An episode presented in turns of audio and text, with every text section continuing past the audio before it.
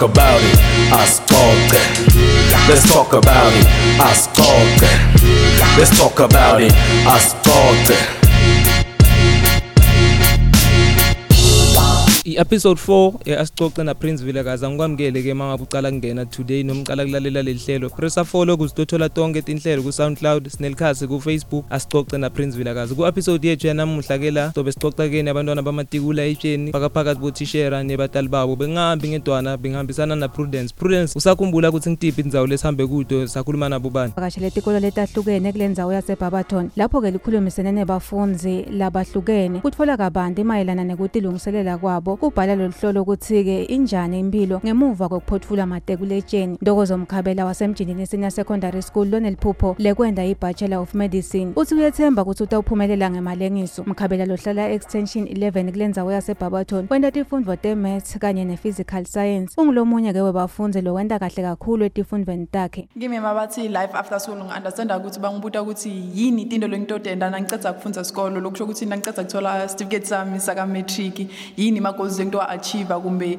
what will i be busy with? Impilo yami iyoba i-rotate around what? Ngifuna kuya e-university ngiyofundzela i-bachelor of medicine and science mpchp uma ngiyofundzela uma konke kuhamba kahle ngidobe ngincedwa yi-nsfas kumbe bantu labaniketanani ngemabhazari sengi-aplayile kuma-universities lawa layo le course nga-aplya nakhona ka-nsfas khona naletinye tindzawo letifaka khona amabhazari nga-aplayile sekumele i-feedback yabo ukuthi bangithatha. Even though mina ngingafundza ngiphase ngiphase bachelor ngithole bo-level 7 distinctions. If ngide i-financial assistance kude university loto ngithatha ngakabhadali i-registration fee nako konke lokho. So i-financial assistance ngikho lengikuthi ngako kakhulu. Nyalo njengoba ngishito ngi-apply ku-nsfas mama uyazama lapho nalapho kusebenzisa imali yasasa ukuthi abhadale for ma-registration fees mara yona for i-course yona. I'm hoping ukuthi ngingathola amabhazari or i-nsfas iphume. Ngiyiphi indlela lotilungiselela ngayo ukuthi uphase lama-exam and ukhone kuya e-university next year. Ngikuthi ngiprioritize. Empilweni yebo tiningi tinto letimnanzi leti khona lengadenda nami mara ngiyathi ukuthi nyalo into lengiyibukele ukuthi ngifuna kuye-university angithi. Lokusho kona ukuthi nginiketa amabhuku ami isikhathi lesi-enough ne-attention le-enough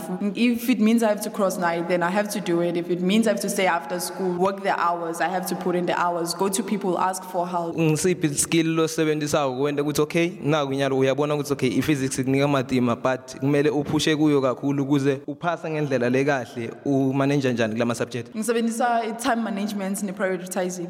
Angithi njengoba ngishidwa ngenta seven ma-subjects angithi mara ngiyathi ukuthi lawa lamanye akangineti inkinga njengaloku i-physics ngineta yona inkinga. So wona lawa lamanye ma-subject ngiyawa-prioritize ngibabeka eceleni ne-time management yami. Ngiwanete isikhathi lesincane ukuthi ngiwafundza isikhathi lesincane ngoba ngiyakhona ku-understanda mo bese le physics yona-ke seyithola lesikhathi sami lesiningi lapho le nto bakhona ngirelax ingcondo yami ikhone kubamba lokuningi kiyo. Nokuthi ngihambe ngiye kubantwini ngiyokubuta kibo. Bazame kungena nami ukuthi ngithole lokhu laba ngitshela kona. I-passing rate yala sikolweni senu emjindini ithini yona? Lo mnyaka lophelile grade 12 wethu uphase ngemanani laphasi ngathi bekungu-58 percent yini? Ma ngekho wrong last year grade 12 wethu bekungu-58 percent. Since kunawe nyalo noma nani i-percentage niyobeka abantu kahle we are aiming for 100 percent but are leaving room for i-disappointment maybe we'll get a 96 percent. Ngontokozo lesicucisana naye. Thishela dlamini lo ngithishela wanontokozo uthi nontokozo ungumntfwana lotiphethe kahle kakhulu futhi-ke wenta kahle kakhulu nasetifundweni takhe uphumeleleke kutfola tindondo letisiphohlongo kuleto letilishumi lapho-ke ahlabene kubendlula bonke labafundzi Eh nontokozo ngumntwana lotiphethe kahle la esikolweni. Umntwana lowenta kahle kakhulu etifundzeni. Cishe tonke tifundvo takhe wenta kahle kakhulu. Ngisho ngani lokho ngisho ngoba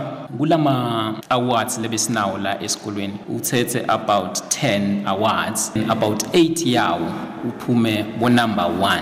Ngikhuluma ngethi un exam. Uphume number 1 kulang 8 la yi2 waphuma ku number 2.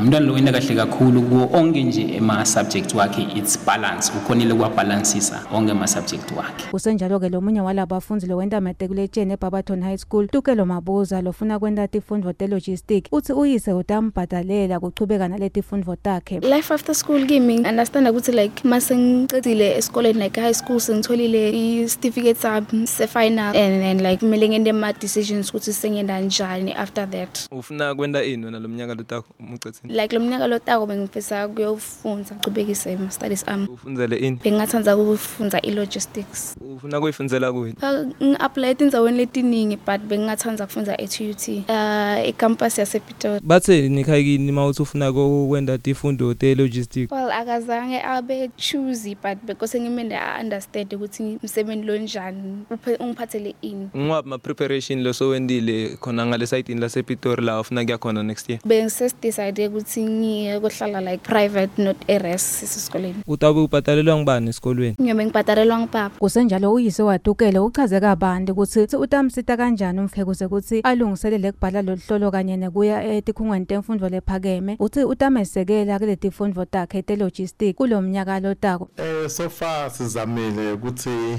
axhumane na ukhona eh siswakho lomkhulu use use Northwest University kuthi bende ma applications since na anaso spillion soku sese tertiary. So wendile ma ma applications through amnceda ku internet ba apply online. And then nami ngangaseti imalini ngizamile ukuthi ngende eh, ngithole ma ma- ma financial advisor bang advise ukuthi angende i educational plan phinze ngende nema investment uma ngabe futhi atophasa kahle kutaba ibonus maybe angathola ne scholarship or ibazari kungeda kule lesikuplanile kani mbongeni thwala lofundza amatekuletsheni kamhola senior secondary school. Uthi-ke ufuna-ke kuyokuqala libhizinisi nakaphothula amatekuletsheni Eh i-life after school ngilo ukuthi uya esikolweni noma uya emsebentini after sucithe kufundza matric. Uyo wendani wena uma ucedza esikolweni? Mina mangiceda sikolo ngiya emsebentini. Why uchoose mhlambe kuye emsebentini? Eh due to i-lack of ema funds ngiko lokungena ukuthi ngiye emsebentini.